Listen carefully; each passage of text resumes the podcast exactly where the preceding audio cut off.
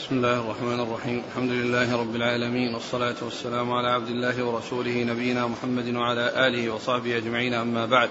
فيقول أمير المؤمنين في الحديث أبو عبد الله محمد بن إسماعيل البخاري رحمه الله تعالى يقول في كتابه الجامع الصحيح في باب ما جاء في قبر النبي صلى الله عليه وسلم وذكر أحاديث منها قال حدثنا قتيبة قال حدثنا جرير بن عبد الحميد قال حدثنا حسين بن عبد الرحمن عن عبد بن ميمون الأودي قال رأيت عمر بن الخطاب رضي الله عنه قال يا عبد الله بن عمر اذهب إلى أم المؤمنين عائشة رضي الله عنها فقل يقرأ, يقرأ عمر بن الخطاب عليك السلام ثم سلها أن أدفن مع صاحبي قالت كنت أريده لنفسي فلأوثرنه اليوم على نفسي فلما أقبل قال له ما لديك قال أذنت لك يا أمير المؤمنين قال ما كان شيء أهم إلي من ذلك المضجع فإذا قبضت فاحملوني ثم سلموا ثم قل يستأذن عمر بن الخطاب فإن أذنت لي فادفنوني وإلا فردوني إلى مقابر المسلمين.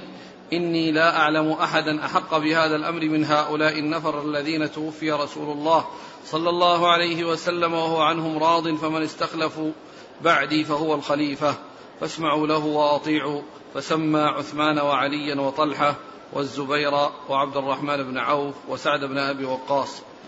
وولج عليه شاب من الأنصار فقال أبشر يا أمير المؤمنين ببشر, ببشر الله كان لك من القدم في الإسلام ما قد علمت ثم استخلفت فعدلت ثم الشهادة بعد هذا كله. فقال ليتني يا ابن أخي وذلك كفافا لا علي ولا لي. أوصي الخليفة من بعدي بالمهاجرين, بالمهاجرين الأولين خيرا. أن يعرف لهم حقهم وأن يحفظ لهم حرمتهم. وأوصيه بالأنصار خيرا الذين تبوأوا الدار والإيمان. أن يقبل من محسنهم ويعفى عن مسيئهم. وأوصيه بذمة الله وذمة رسوله صلى الله عليه وسلم أن يوفى لهم بعهدهم وأن يقاتل من ورائهم. وأن لا يكلف وأن لا يكلفوا فوق طاقتهم. بسم الله الرحمن الرحيم. الحمد لله رب العالمين. وصلى الله وسلم وبارك على عبده ورسوله نبينا محمد وعلى آله وأصحابه أجمعين. أما بعد فهذا الحديث من الأحاديث التي أوردها المصنف رحمه الله في باب قبر النبي صلى الله عليه وسلم وقبر أبي بكر وعمر وذلك لأن عمر بن الخطاب رضي الله عنه حرص على أن يقبر بجوار رسول الله صلى الله عليه وسلم مع مع النبي عليه الصلاة والسلام ومع أبي بكر. بهذا أورده المصنف في في هذا الباب. وقد أورده في مواضع لكنه أورده هنا من أجل ذكر قبر النبي صلى الله عليه وسلم ومحبته أن يدفن إلى جواره وإلى جوار أبي بكر رضي الله تعالى عنه. ف وعمر رضي الله عنه كان في في سفر وسأل الله عز وجل مسألتين. سأل الله عز وجل أن يرزقه شهادة في سبيله وأن يجعل وفاته في بلد رسوله صلى الله عليه وسلم. فأراد الشهادة وأراد أن يكون وفاء تكون وفاته في بلد الرسول عليه الصلاة والسلام. وقد يكون هذه الرغبة بأن بأن يموت في بلد الرسول عليه الصلاة والسلام من أجل أن يدفن في جواره لأنه كان حريصا على ذلك كما يتضح من هذا الحديث الذي معنا. وقد وقد جمع الله له بينهما فحصل الشهادة بكونه قتل وقتله قتل وهو يصلي بالناس صلاة الصبح ومات بسبب طعن ومات بسبب هذه الطعنة. وأيضا حصل حصل له ذلك في بلد الرسول عليه الصلاة والسلام. وحرص على أن يدفن بجواره بجوار النبي عليه الصلاة والسلام. ولهذا قال عمر لما طعن وكان في مرض موته قال لابنه عبد الله اذهب إلى عائشة وأقرئها مني السلام وأخبرها بأن بأنه يريد أن يدفن بجوار صاحبيه. وقد قالت رضي الله تعالى عنها إن هذا أردته لنفسي وإني أوثره اليوم على نفسي. فرجع آه، إلى أبيه وعندما أقبل لم يصبر حتى حتى حتى أن يصل لأنه حريص على النتيجة المناسبة التي يرغبها. فقال فسأله ما سأله ما ماذا عندك؟ أي ماذا جئت به من الخبر؟ فقال أخبره بأنها وافقت ففرح بذلك وقال إنه ليس على شيء أهم من هذا المضجع يعني المكان الذي يدفن فيه بجوار رسول الله عليه الصلاة والسلام لأن هذا كان يقول إن هذا كان من أهم ما يكون عليه أي أهم ما يكون عنده. ولهذا سأل قبل أن يصل لما أقبل يريد أن يعرف النتيجة قبل أن يصل ولم يصبر حتى يكلمه بالنتيجة وإنما بادر بالسؤال وأيضا قبل أن قبل أن يصل آه، ابن عمر إلى أبيه. فأجاب بأنها قد وافقت فسر وفرح وقال إنه ليس شيء أهم عليه من هذا المضجع أي من هذا الذي آه، رغب فيه وهو أن يدفن وأن يكون بجوار رسول الله صلوات الله وسلامه وبركاته عليه. وقد حصل له ذلك رضي الله تعالى عنه وأرضاه. وكان هذا من من من من الأشياء التي حصلت له ولأبي بكر رضي الله تعالى عنهما لأن لأنهما ملازمان للرسول صلى الله عليه وسلم في في في حياته. و فشاء الله أن يكون بجواره في البرزخ وإذا آه، حصل البعث والنشور يكونان معه في الجنة. فهما ملازمان له صلى الله عليه وسلم في حين من, من, من حين دخل في الإسلام ومن أول من أسلم لأن بكر هو أول من أسلم وعمر سبقه إلى الإسلام أربعون رجلا. ولكنهما لازم الرسول عليه الصلاة والسلام في مكة ثم هاجر معه ولازمه في المدينة. ولما توفي رسول الله صلى الله عليه وسلم بايع المسلمون أبا بكر خليفة لرسول الله صلى الله عليه وسلم ولما مات دفن بجواره وإذا بعث يكون معه في الجنة. وكذلك عمر هاجر مع لازم النبي صلى الله عليه وسلم وهاجر معه ولازمه في المدينة. ولما توفي رسول الله عليه الصلاة والسلام كان العضد الأيمن لخليفته أبي بكر رضي الله عنه. ثم بعد ذلك ولي الخلافة بعهد من أبي بكر رضي الله عنه ومكث في الخلافة عشر سنوات وزيادة حصل فيها الفتوحات وحصل فيها عزة الإسلام ورفعة الإسلام ثم توفي ودفن بجوار رسول الله صلى الله عليه وسلم. فهذان الرجلان العظيمان حصل لهما من الإكرام ومن الفضائل ما لم يحصل لغيرهما. ولهذا هما خير هذه الأمة بعد رسول الله عليه الصلاة والسلام أبو بكر ثم عمر. فلهما من الفضائل ما, ما, ما لهما وهذه الأمور التي حصلت وهي الملازمة في في الدنيا والمجاورة في في القبر والبرزخ وكذلك بعد البعث والنشور يكونان معه في الجنة وذلك فضل عظيم من الله عز وجل تفضل به على هذين الرجلين العظيمين رضي الله تعالى عنهما وأرضاهما. اقرأ, اقرأ الحديث. قال عمر يا عبد الله بن عمر اذهب إلى أم المؤمنين عائشة رضي الله عنها فقل يقرأ عمر بن الخطاب عليك السلام ثم سلها أن أدفن مع صاحبي. قالت كنت أريده لنفسي فلأوثرنه اليوم على نفسي. فلما أقبل قال له ما لديك؟ يعني جاء في هذا أن أنها يعني أرادت هذا المكان الذي بجوار أبي بكر بجوار الرسول صلى الله عليه وسلم وأبي بكر أن يكون قبرا لها و و و وقالت إنها تؤثره على نفسها. وهذا يشعر بأنه ليس فيه إلا مكان هذا القبر. ولكنه جاء يعني ما يدل على أنها يعني بعد ذلك قالت إنها آه أنها تدفن مع صواحباتها يعني في البقيع وأنها لا تريد أن تزكى يعني بذلك. وهذا يفيد بأن فيه سعة.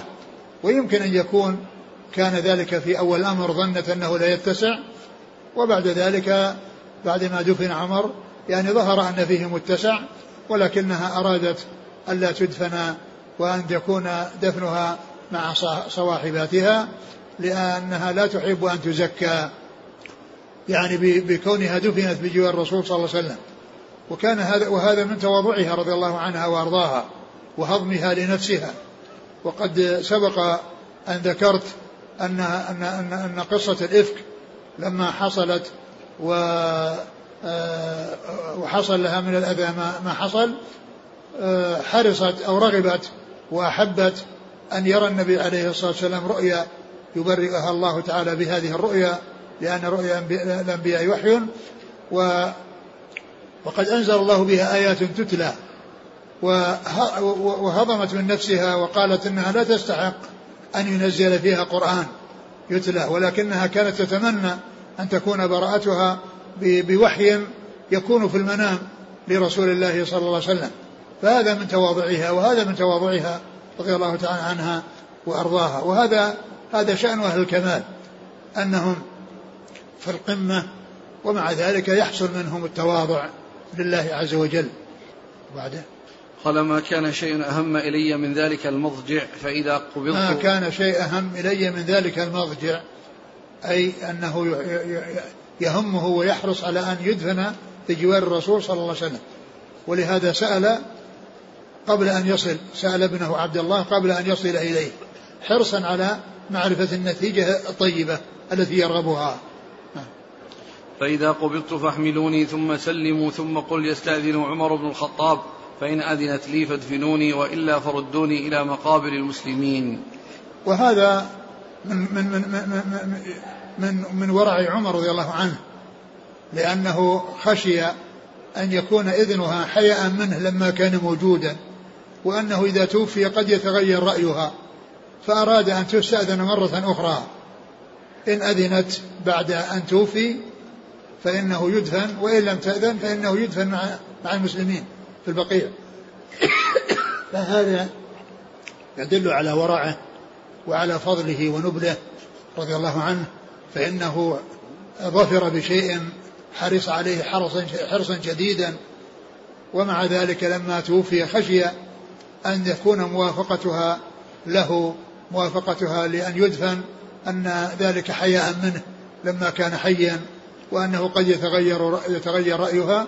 فأراد أن تستأذن مرة ثانية وأن لا يدفن إلا بعد موافقتها بعد بعد الموت ولا يكتفى بالموافقة التي حصلت قبل الموت. رضي الله تعالى عن عمر وعن الصحابة أجمعين. قال إني لا أعلم أحدا أحق بهذا الأمر من هؤلاء النفر الذين توفي رسول الله صلى الله عليه وسلم وهو عنهم راض. فمن استخلفوا بعدي فهو الخليفة فاسمعوا له وأطيعوا. فسمى عثمان وعليا وطلحة والزبير وعبد الرحمن بن عوف وسعد بن أبي وقاص. ثم إنه ذكر يعني في مرض موته آه، ما يتعلق بالخلافة وأنه آه، آه، وأن وأنه اختار يعني هؤلاء الستة ليختاروا من بينهم واحدا يكون خليفة ويكون أميرا للمؤمنين. ولم يشأ أن يبت في أن يعين واحدا منهم يعني أراد أن يشركه غيره يعني في ذلك وأن يكون الاختيار من يعني ليس منه وحده وإنما يكون من هذه المجموعة يختارون من بينهم واحدا يجعلونه خليفة لهم خليفة للمسلمين وسمى هؤلاء الستة الذين توفي رسول الله عليه الصلاة والسلام وهو عنهم راض. وهم من العشرة هم بشرين بالجنة. وسمى يعني عثمان وعلي وطلحة والزبير وسعد بن أبي وقاص وعبد الرحمن بن عوف. هؤلاء الستة من العشرة هم بشرين بالجنة آه الذين بشرهم النبي عليه الصلاة والسلام بالجنة في حديث واحد سردهم وسماهم وقال عن كل واحد منهم أنه في الجنة. آه اختار هؤلاء وجعل الأمر إليهم يختارون واحدا منهم. ولكنه رضي الله عنه وأرضاه آه، وقد ذكر من بينهم سعد بن أبي وقاص وكان لسعد قصة لما كان أميرا للكوفة وأن أهل الكوفة شكوه إلى عمر رضي الله عنه وأرضاه وأنهم خشي من سفهائهم أن يحصل منهم شيء لا تحمد عقباه في حق سعد بن أبي وقاص رضي الله عنه لأن أهل الكوفة وسفهاء أهل الكوفة يعني آه، تكلموا فيه كلاما آه، شديدا وذموه ذما عظيما وخشي أن فخشي أنه لو بقي أنهم ينالونه بسوء فرأى من المصلحة أن يعزله. ولكنه رضي الله عنه عندما اختارهم بين الستة لم ينسى ذلك لم ينسى ذلك الذي حصل منه لأنه قد يقول قائل كيف يعزله عن عن عن, عن ولاية الكوفة ثم يرشحه للخلافة؟ يمكن يقول قد نسي قد نسي ذلك الموقف فأراد أن يبين أن عزله إياه ما كان لأمر يتعلق به وإنما كان لأمر يتعلق بغيره حتى لا يؤذيه السفهاء. وقد قال رضي الله عنه كما كما كما ذكر ذلك في في, في جاء كما جاء هذا الحديث في قصة مناقب في, في مناقب عثمان وفيه أنه قال إن أصابته إن أصابته الإمارة سعدا فذاك. يعني فهو أهل لها. وإن لم وإن لم تصبه فليستعن به من أمر. فليستعن به من أمر. فإني لم أعزله من عجز ولا خيانة. فإني لم أعزله يعني من الكوفة من عجز ولا خيانة. يعني بين يعني في هذه المناسبة ألا يفكر أحد بذلك الذي حصل له في إمارة الكوفة وأن عمر عزله وأن عمر قد يكون قد نسي فقال إنه لم يعزله من عجز ولا خيانة. وهذان هذان الوصفان العجز والخيانة هي مسوغات العزل. هي المسوغات الحقيقية للعزل. العجز لأن العجز العاجز يكون ضعيف يعني لا يقوم بالأمور ويعني يستضعف هو الناس والخائن الذي هو غير أمين لا يأتي بالأمور كما ينبغي بل بل لخيانته يخرج عن طريق الاستقامة إلى إلى غيرها. وفي مقابلها مقابل هذين الوصفين المسوغات للترشيح والتعيين وهي القوة والأمانة وهي القوة والأمانة المقابلة للعجز والخيانة لأن القوة يقابلها العجز والخيانة يقابلها الأمانة. فالقوي الأمين هو الذي أو هاتان الصفتان القوة والأمانة هي التي هي التي المسوغة للتعيين والمسوغة للترشيح ومقابلها المسوغة للعزل وال و عزله عن عن الولاية. إن أصابت الإمارة سعدا فذاك وإلا فلي فلي وإلا فلي فليستشره من من أمر فإني لم أعزله من عجز ولا خيانة نعم. وقد اجتمعوا وانتهت النتيجة إلى أن اتفقوا على تولية عثمان رضي الله تعالى عنه وأرضاه ثم جاء بعده علي رضي الله تعالى عن الجميع قال وولج عليه شاب من الأنصار فقال أبشر يا أمير المؤمنين ببشرى الله كان لك من القدم في الإسلام ما قد علمت ثم استخلفت فعدلت ثم الشهادة بعد هذا كله. فقال ليتني يا ابن أخي وذاك فقال ليتني يا ابن أخي وذاك كفافا لا علي ولا لي. ثم ذكر أن كان الناس يعودون يأتون إليه يزورونه وممن جاء إليه شاب من الأنصار فأثنى عليه خيرا وقال هنيئا لك يا أمير المؤمنين. لك في الإسلام من القدم في الإسلام يعني ما ما, حصل لك و ووليت و ثم شهادة. فذكر شيئا من خصاله الحميدة وأثنى عليه ومدحه. وكان جواب عمر رضي الله عنه التواضع. قال وددت أن يكون ذلك كفافا لا علي ولا لي. يعني هذه الأمور التي ذكرتها يعني وددت أن تكون كفافا لا, لا, لا علي ولا لي. وهذا شأن أولياء الله عز وجل. يعني من أهل الكمال ويتواضعون لله عز وجل ويهضمون أنفسهم. وهذا الشاب من الأنصار جاء في في بعض الطرق أنه لما ولى وإذا ثوبه يمس الأرض لما ذهب وإذا ثوبه يمس الأرض. فقال ردوا علي الغلام. ولما ردوه عليه قال يا ابن أخي ارفع ثوبك فإنه أتقى لربك وأبقى لثوبك. ارفع ثوبك فإنه أتقى لربك وأبقى لثوبك. فأرشده إلى أمرين أحدهما دنيوي والثاني أخروي. قال أبقى لثوبك يعني معناه ثوبك يعني يبقى نظيف ما يتوسخ. وهذه فائدة دنيوية. وأتقى لربك فائدة دنيوية وأخروية.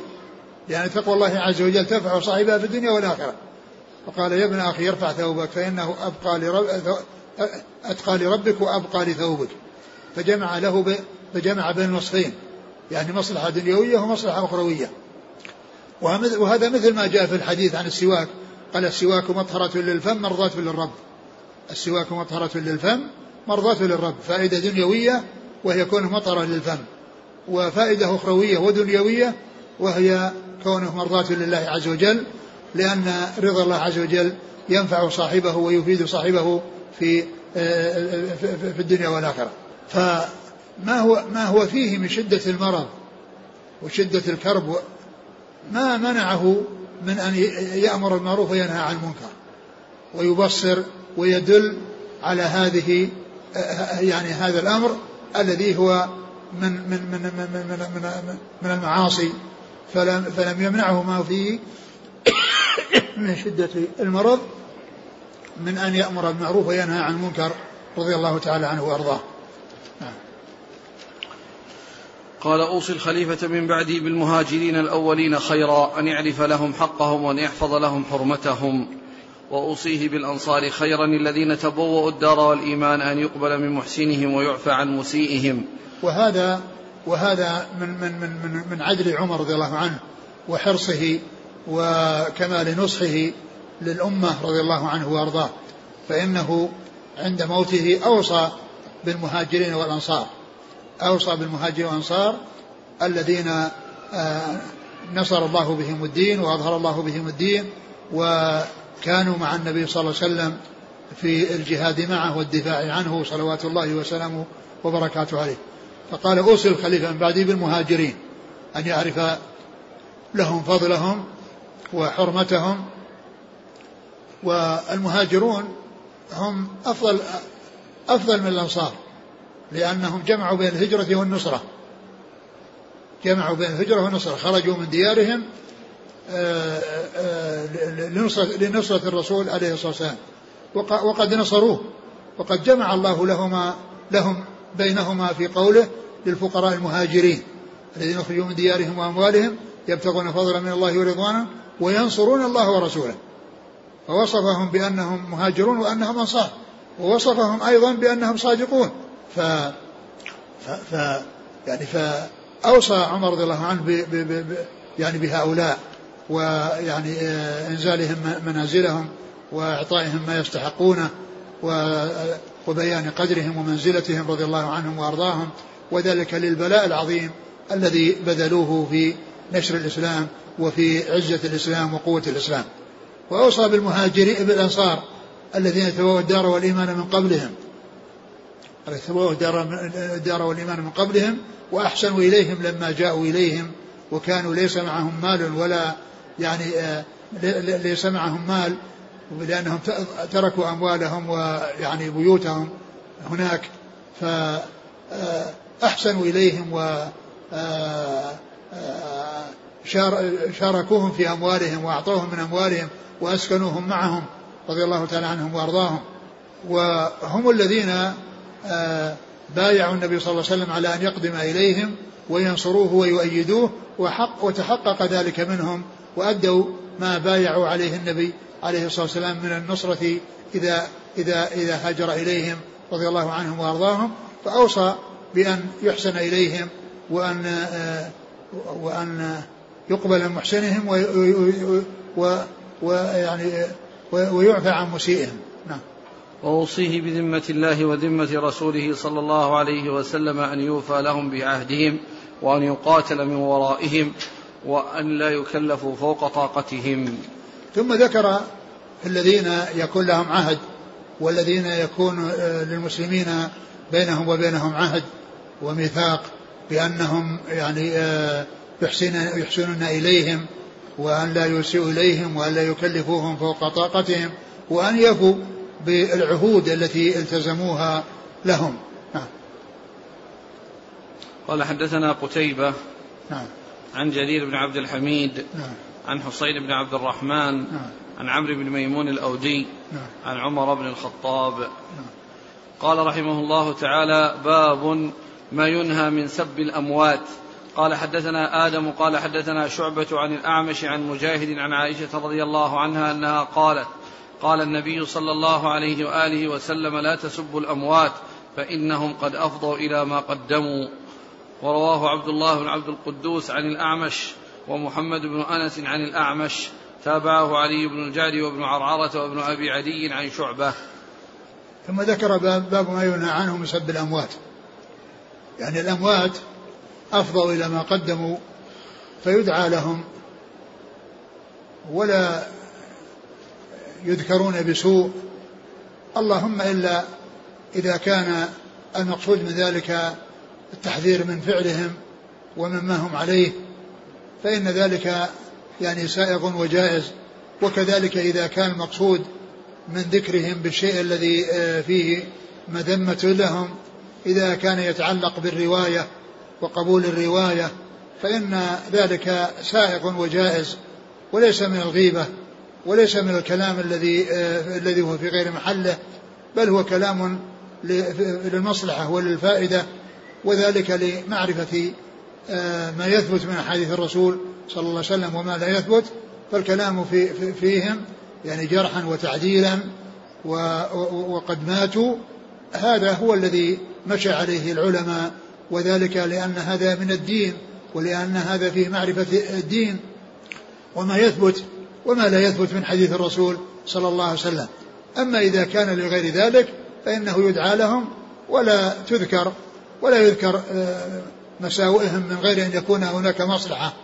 أما إذا كان آه، آه، هم أهل بدع وأهل يعني فسوق ومجاهرون بذلك وذكروا للتحذير من فعلهم ولئلا يقع الناس في مثل ما وقعوا عليه فيه فإن ذلك سائغ سائغ وجائز. لا تسبوا الأموات فإنهم قد أفضوا إلى ما قدموا. نعم أفضوا يعني انتهوا إلى ما قدموا من من أعمال. يعني من أعمال طيبة يجدونها أمامهم أو أعمال بخلاف ذلك يجدونها أمامهم. لكن ذكرهم بسوء وذكرهم بما فيهم إذا كان الغرض منه التحذير من الوقوع في مثل ما وقعوا فيه هذا شيء طيب. أما إذا كان لغير ذلك فلا. قال حدثنا آدم ابن أبي إياس. عن شعبة عن الأعمش سليمان بن مهران. عن مجاهد عن عائشة. مجاهد بن جبر. نعم. ورواه عبد الله بن عبد القدوس عن الأعمش ومحمد بن أنس عن الأعمش. نعم. تابعه علي بن الجعد وابن عرعرة. نعم. محمد بن عرعرة نعم. وابن أبي عدي نعم محمد بن إبراهيم نعم. عن شعبة نعم. قال رحمه الله تعالى باب ذكر شرار الموتى قال حدثنا عمر بن حفص قال حدثنا أبي قال حدثنا الأعمش قال حدثني عمرو بن مرة عن سعيد بن جبير عن ابن عباس رضي الله عنهما أنه قال قال أبو لهب عليه لعنة الله للنبي صلى الله عليه وسلم تبا لك سائر اليوم فنزلت تبت يدا أبي لهب وتب. ثم قال باب باب ذكر شرار الموتى. باب ذكر شرار الموتى. لما ذكر النهي عن سب الأموات في الباب السابق ذكر أن شرار الموتى يعني يسبون ويذكرون بما فيهم.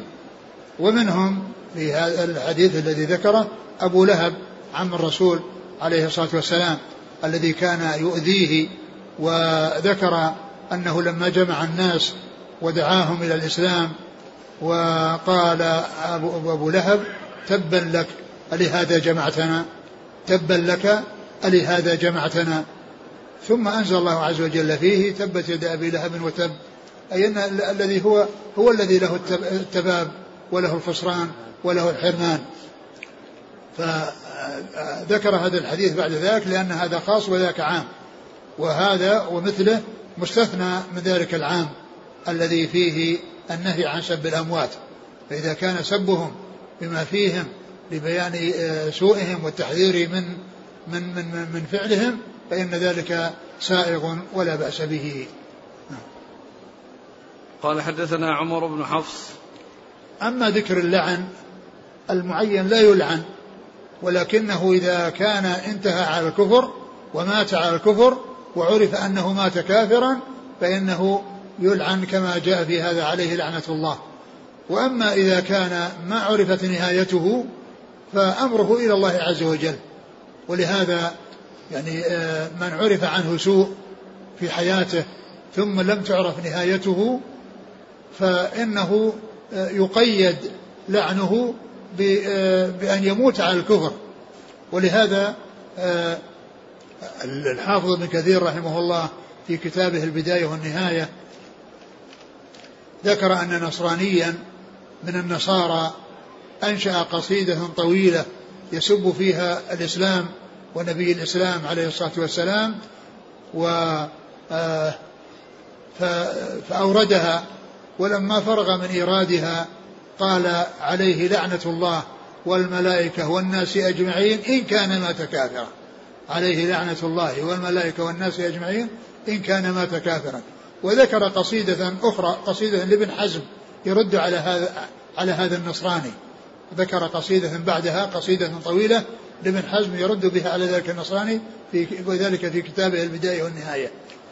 وذكر في كتاب في البداية في البداية والنهاية عند ترجمة أبي نصر الفارابي أبي نصر الفارابي آآ آآ ذكر أنه كان يقول بمعاد الأرواح دون معاد الأجساد وقال فعليه إن كان مات على ذلك لعنة رب العالمين.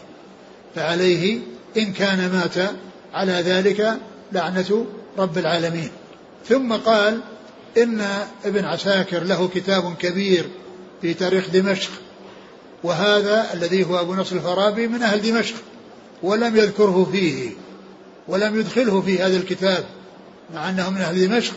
قال ولعله إنما تركه لنتنه وقباحته ولعله إنما تركه لنتنه وقباحته. نعم. قال حدثنا عمر بن حفص بن غياث. عن أبيه نعم. عن الأعمش عن عمرو بن مرة عن سعيد بن جبير عن ابن عباس. نعم. قال رحمه الله تعالى باب وجوب الزكاة. وقول الله تعالى وأقيموا الصلاة وآتوا الزكاة. وقال ابن عباس رضي الله عنهما حدثني أبو سفيان رضي الله عنه فذكر حديث النبي صلى الله عليه وسلم فقال يأمرنا بالصلاة والزكاة والصلة والعفاف.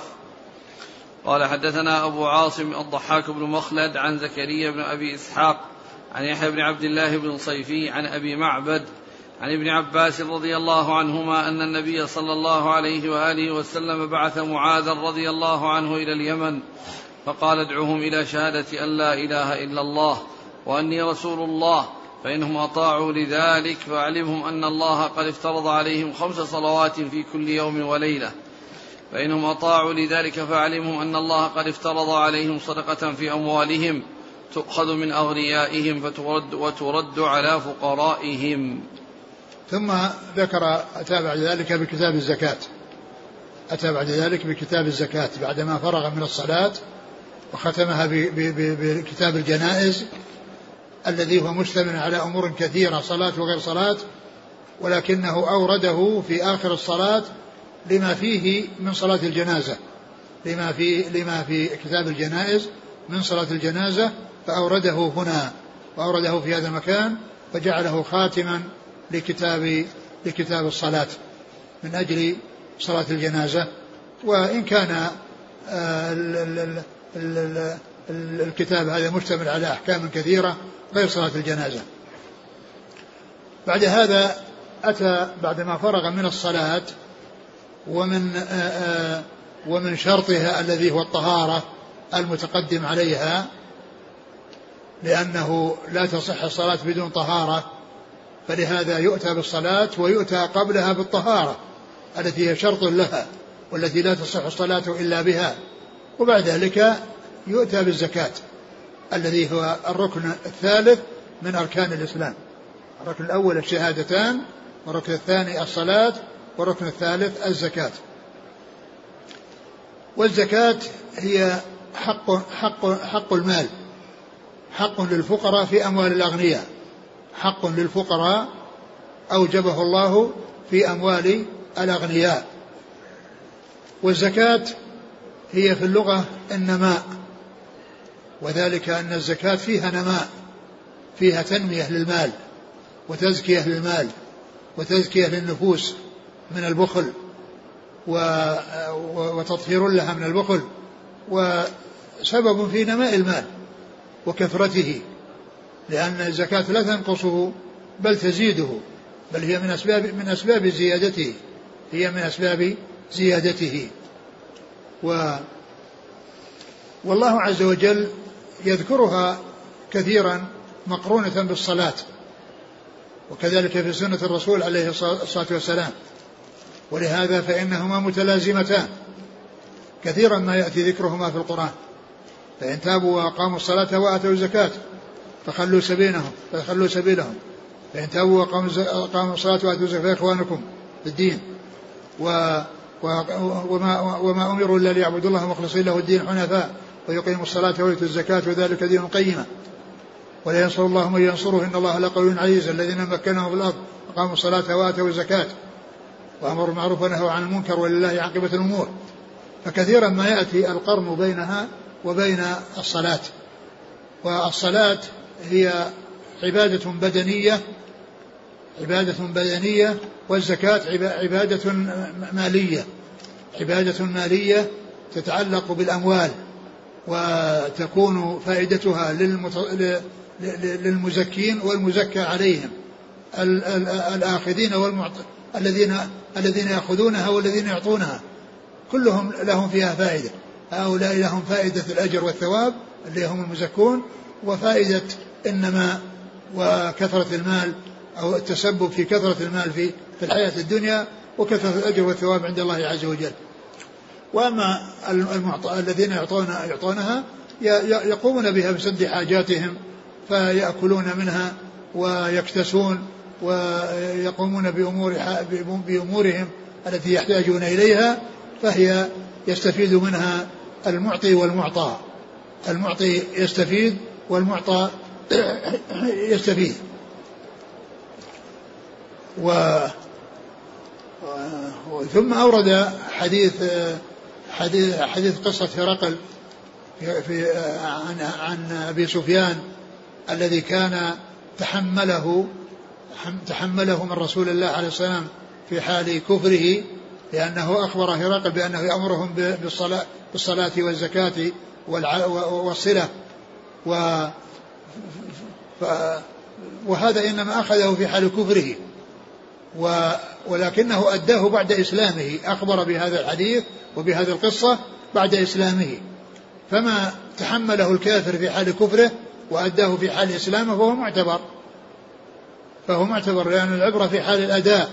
فإذا كان في حال تأدية مسلما فإنه يقبل ما حكاه وما تحمله في حال كفره وهذا من الأمثلة التي يستدل بها على أن الكافر يعني آه، إذا تحمل في كفره وأدى في حال إسلامه أن حديثه معتبر وأن كلامه معتبر. ومثله الصغير الذي يتحمل في حال صغره ويؤدي في حال كبره. ومثله الصغير الذي يتحمل وهو غير مكلف ثم يؤدي في حال كبره فإن ذلك معتبر. وحديث آه هذا الحديث دليل على آه على على هذا الذي يتعلق بالكفار وأن ما تحمله في حال كفرهم معتبر إذا أدوه في حال إسلامهم. أما إذا أدوا في حال كفرهم أو أخبروا عن شيء في حال كفرهم يعني ف, ف فذلك لا يعتبر وإنما يعتبر إذا تحملوا في حال الكبر وأدوا في حال وأدوا في حال الإسلام. نعم بعده حديث معاذ. نعم. ثم بعد ذلك ذكر حديث معاذ حديث حديث حديث ابن عباس في قصة بعث معاذ. وأكثر الروايات التي جاء بها الحديث أنه من مسند ابن عباس. من مسند ابن عباس يحكي ما حصل لمعاذ وما أوصى به رسول الله صلى الله عليه وسلم لمعاذ. وقد جاء في بعض الروايات في مسلم وغيره أنه أنه من رواية ابن عباس عن عن معاذ رضي الله عنه. يعني يرويه معاذ عن أنس عن معاذ يرويه ابن عباس عن معاذ رضي الله تعالى عنه. فيكون من مسند معاذ. لكن أكثر الروايات على أنه من مسند ابن عباس لأن وهو يحكي ما حصل في قصة معاذ وبعثه إلى اليمن ووصية الرسول صلى الله عليه وسلم له في ذلك. وهذا الحديث حديث عظيم يتعلق في فيما يتعلق ب يعني ب ب ب بأركان بأركان الإسلام الثلاثة الأولى التي هي الشهادتان والصلاة والزكاة. وقد أورده البخاري رحمه الله في أول كتاب الزكاة. أورده في أول كتاب الزكاة. وأورده أيضا في أول كتاب التوحيد. افتتح به كتاب الزكاة وافتتح به كتاب التوحيد. وكذلك النسائي وابن ماجه كل منهم صدر كتاب الزكاة بهذا الحديث. كل منهم صدر كتاب الزكاة بهذا الحديث. وجماعة من الذين ألفوا يعني في, في, في الأحاديث آه، تبعوا يعني فهم في ذلك. فالمقدسي آه، آه، في العمدة صدر بهذا الحديث كتاب الزكاة والحافظ بن حجر في بلوغ المرام صدر, صدر بهذا الحديث والبغوي صدر في شرح السنة وفي المصابيح يعني بهذا الحديث. وغيرهم من العلماء يصدرون كتاب الزكاة في هذا الحديث لبيان فرضية الزكاة فيه. وليس ذلك بدء الفرضية وإنما هو الدلالة على على الفرضية وأنه آه، وأن وأنه يؤمر به بعد الشهادتين وبعد الصلاة والزكاة. ف وإلا فالزكاة فرضت في في أول الهجرة. مثل ما فرض الصيام في أول الهجرة ففرضها متقدم. ولكن آه هذا الحديث وبعث معاذ إلى اليمن إنما كان في السنة التاسعة أو العاشرة. ولكن إيراد هذا الحديث ليس لكونه مشتمل على أول الفرض وإنما فيه بيان آه، آه، أهميته وبيان آه، البدء بالأهم فالأهم حيث يؤمر بالدعوة في أول ما يدعو الإنسان إلى إلى الإسلام يبدأ بالشهادتين ثم يأمر بالصلاة ثم يأمر بالزكاة. فكل ذلك هذا كله دال على عظم ما يعني ما يدعى إليه لكونه بدأ فيه بالأهم فالأهم حيث بدأ في الشهادتين ثم بدأ بالصلاة ثم بدأ بالزكاة. ابن عباس رضي الله تعالى عنهما يقول إن النبي صلى الله عليه وسلم بعثه إلى اليمن. لما بعث معاذا إلى اليمن بين له الطريقة التي يسير إليها في الدعوة إلى الله عز وجل. وأمره أن يتدرج في الدعوة وأن يبدأ بالأهم فالأهم بالأهم فالذي يليه. فاولا أرشده إلى أنه يقدم على قوم هم أهل الكتاب وأهل الكتاب عندهم علم. يعني عن طريق عن طريق التوراة وعن طريق آه، يعني الدين الذي كانوا عليه وإن كانوا قد غيروا وبدلوا إلا أنهم عندهم علم وعندهم شيء من الحق. ولهذا كان اليهود والنصارى يعني أخف من غيرهم من الكفار من ناحية أنه تؤكل ذبائحهم وتنكح نساءهم بخلاف الكفار الذين هم ليسوا أهل الكتاب فإنها لا تؤكل ذبائحهم ولا تنكح نساؤهم فهؤلاء صار لهم ميزة على غيرهم.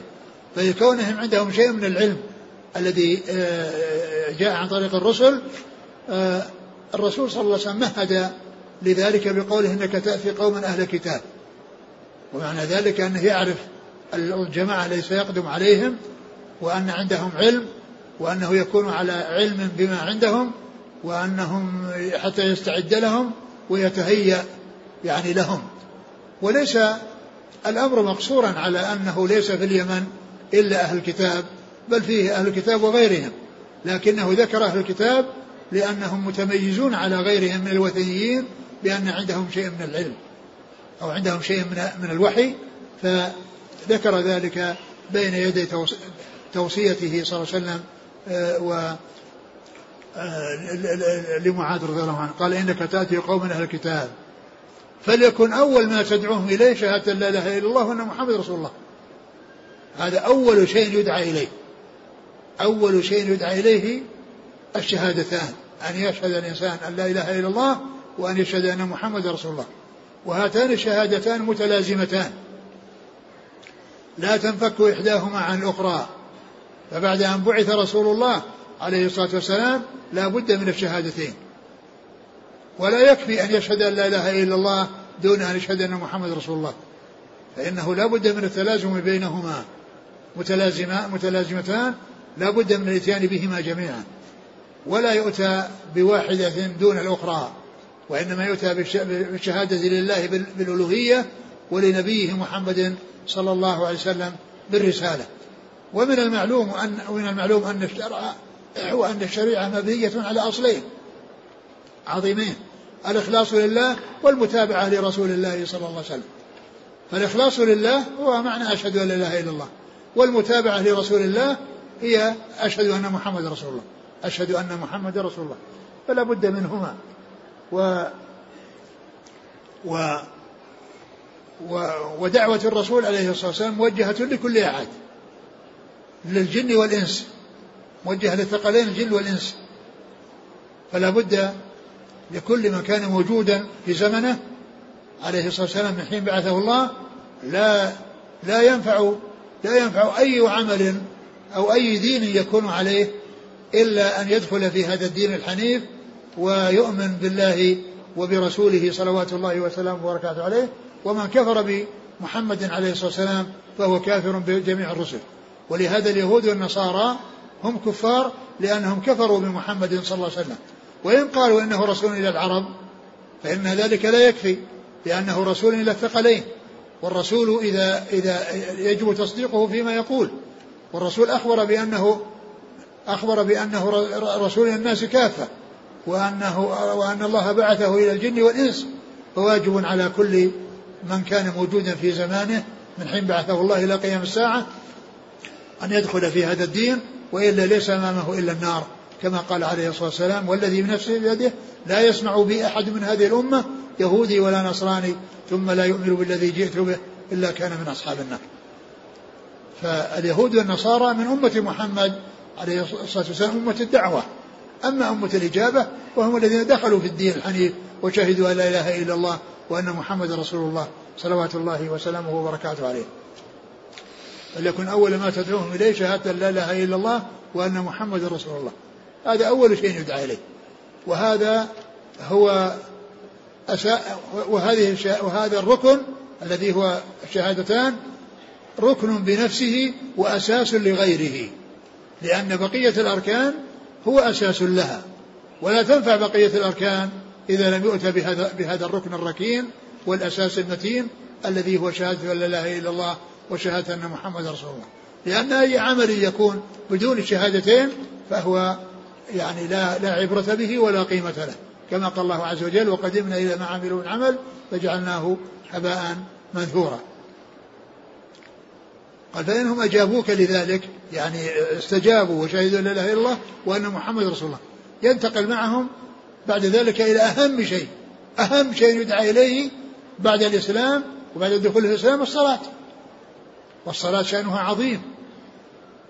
وكون الرسول صلى الله عليه وسلم رتب يعني جعلها تأتي بعد الشهادتين دال على عظيم شأنها وأن شأنها عظيم لأنها أول شيء يبدأ به بعد بعد الشهادتين.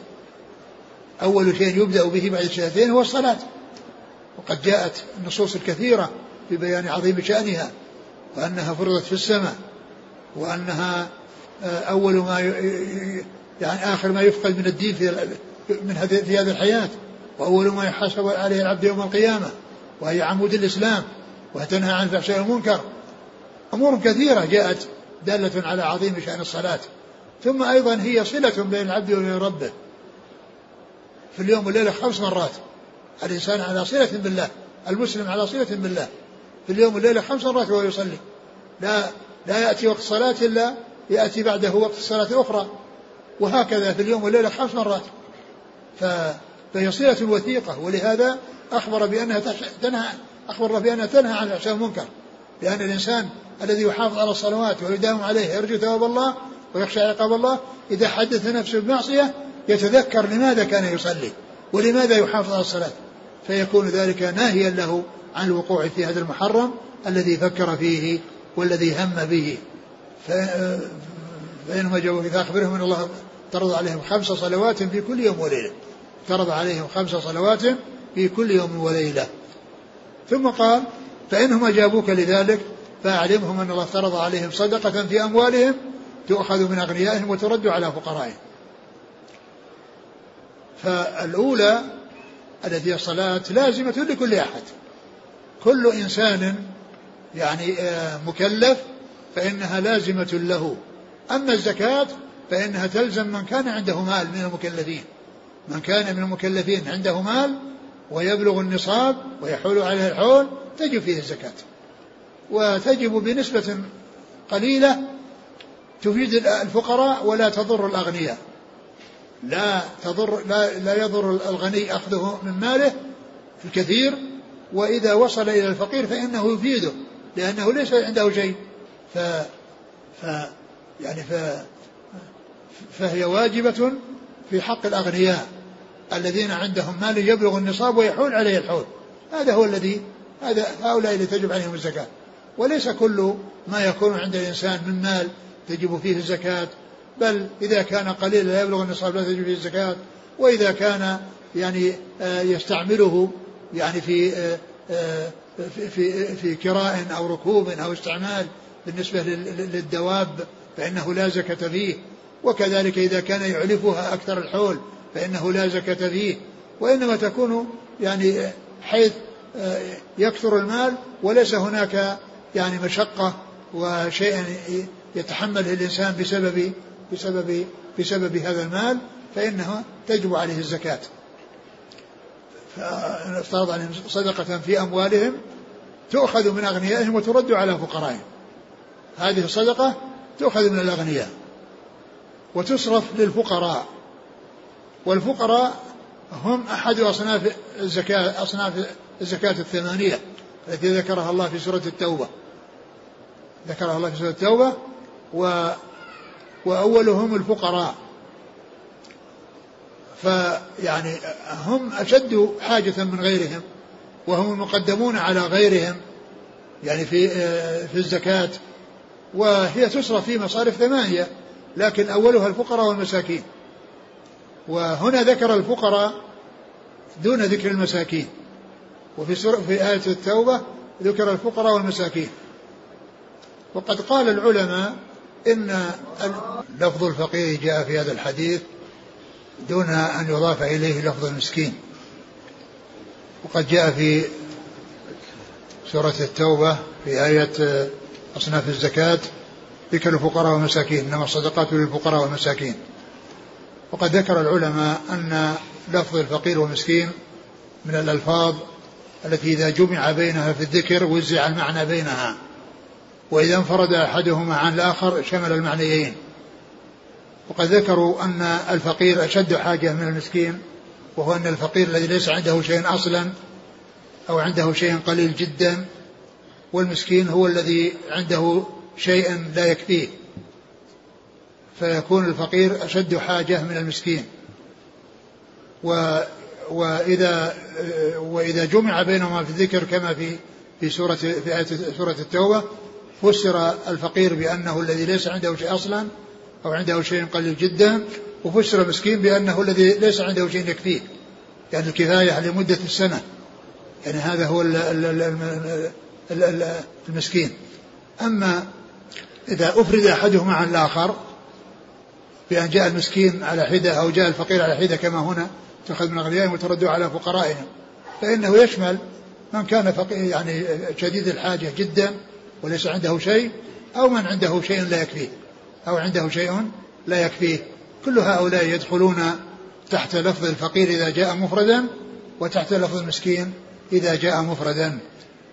وهذا له نظائر مثل البر والتقوى. البر والتقوى ومن هذا القبيل.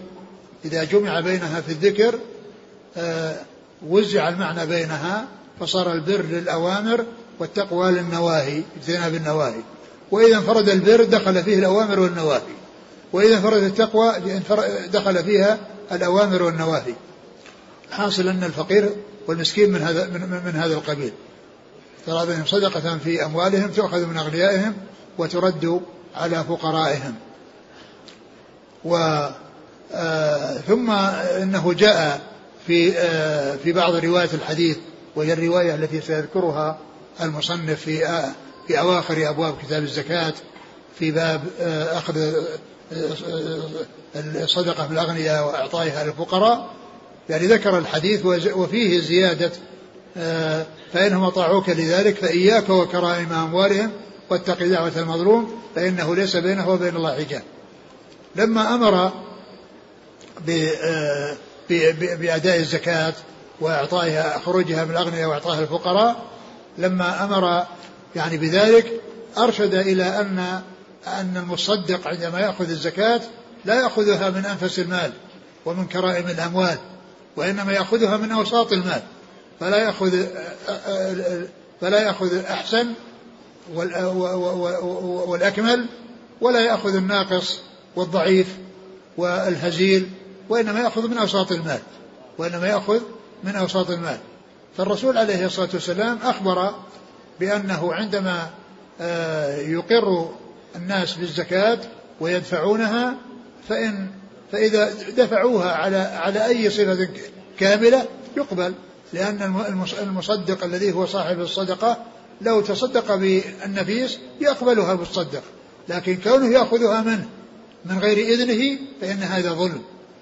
قال عليه الصلاة والسلام فإنهم أجابوك لذلك أي يعني استسلموا وانقادوا لدفع الزكاة. قال إياك وكرائم احذر أن تأخذ الكرائم النفائس التي هي كريمة عند أهلها ونفيسة عند أهلها بكثرة شحمها ولحمها وارتفاع ثمنها وغير ذلك من الأسباب التي آه، تفيد أو تدل على على نفاستها. فأرشده إلى أن أخذها ظلم. قال إياك وكرائم أموالهم لأنه لو أخذها مصدق من غير أن يكون راضيا فإنه يكون ظالما له. قال إياك وكرائم أموالهم واتق دعوة المظلوم لأنك لو أخذت الكرائم فإنك تكون ظلمتهم والمظلوم يعني يدعو الله عز وجل فيستجيب دعاءه يدعو الله عز وجل على من ظلمه فيستجيب دعاءه فنبه بأن أخذ الكرائم ظلم وأن المظلوم يعني يدعو على ظالمه وقد ويستجيب الله دعاءه. و واتق دعوة المظلوم فإنه ليس بينها وبين الله حجاب إنها مقبولة. عند الله عز وجل. فيتقي الظلم ولا يظلم أحدا سواء كان يعني من من المسلمين أو من الكفار. الظلم الظلم لا يجوز. الظلم ظلمات يوم القيامة.